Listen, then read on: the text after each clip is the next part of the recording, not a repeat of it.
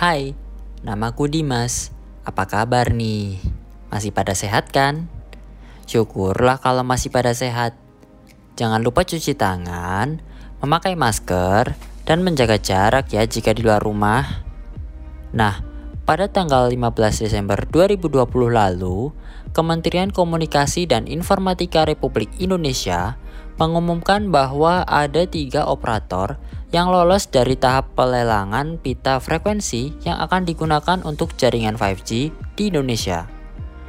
Tiga operator tersebut yakni Smartfriend, Telkomsel, dan Tri. Nah, pemerintah juga mengupayakan agar tahun 2021 nanti 5G dapat diresmikan di Indonesia walaupun masih terbatas. Sedangkan pengembangan dan pemutakhiran teknologinya akan dilakukan secara bertahap.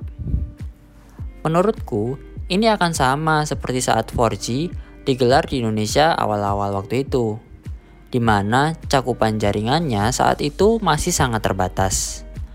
Namun, seiring waktu akan semakin merata.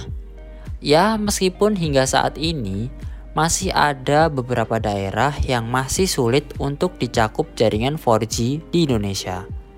Nah, Bagaimana dari sisi pasar HP? Apakah produsen HP di Indonesia sudah siap memasarkan produk HP 5G mereka?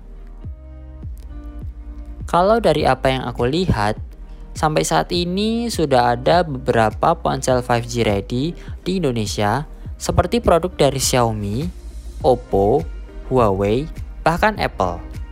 Sehingga tinggal bagaimana eksekusi dari operator untuk segera menghadirkan jaringan 5G di Indonesia. Nah, apa sih manfaat 5G? 5G sendiri tidak hanya berbicara tentang speed upload dan download saja, melainkan tingkat kestabilan yang lebih baik atau bisa dibilang low latency. Kenapa bisa low latency? Karena 5G memiliki cakupan yang terbilang kecil, sehingga jika cakupannya saja kecil, dapat diartikan akan banyak tower-tower 5G dalam jarak tertentu. Tentunya dengan low latency, kita dapat memanfaatkan 5G dalam banyak hal, seperti bermain game lebih lancar. Bahkan gamenya bisa dijalankan melalui cloud saja, sehingga kita tidak perlu menginstal gamenya ke perangkat kita terlebih dahulu. Lah, itu kan bidang hiburan. Lalu gimana nih dengan bidang lainnya? Nah, kalau menurutku sih di bidang pendidikan ini kita bisa melakukan pembelajaran jarak jauh dengan maksimal tanpa terhambat jaringan. Selain itu, kita juga bisa memanfaatkan laboratorium virtual yang diciptakan dengan teknologi VR dan AR. Sehingga kita dapat melakukan praktikum seperti aslinya dari rumah saja. Sebenarnya banyak lagi sih manfaatnya, seperti kendali robot operasi jarak jauh oleh dokter, lalu kendaraan autopilot, dan lain-lain. Ya, semoga saja 5G benar-benar terrealisasi mulai tahun 2021 ya. Agar beberapa aspek kehidupan dapat lebih efektif dan efisien lagi.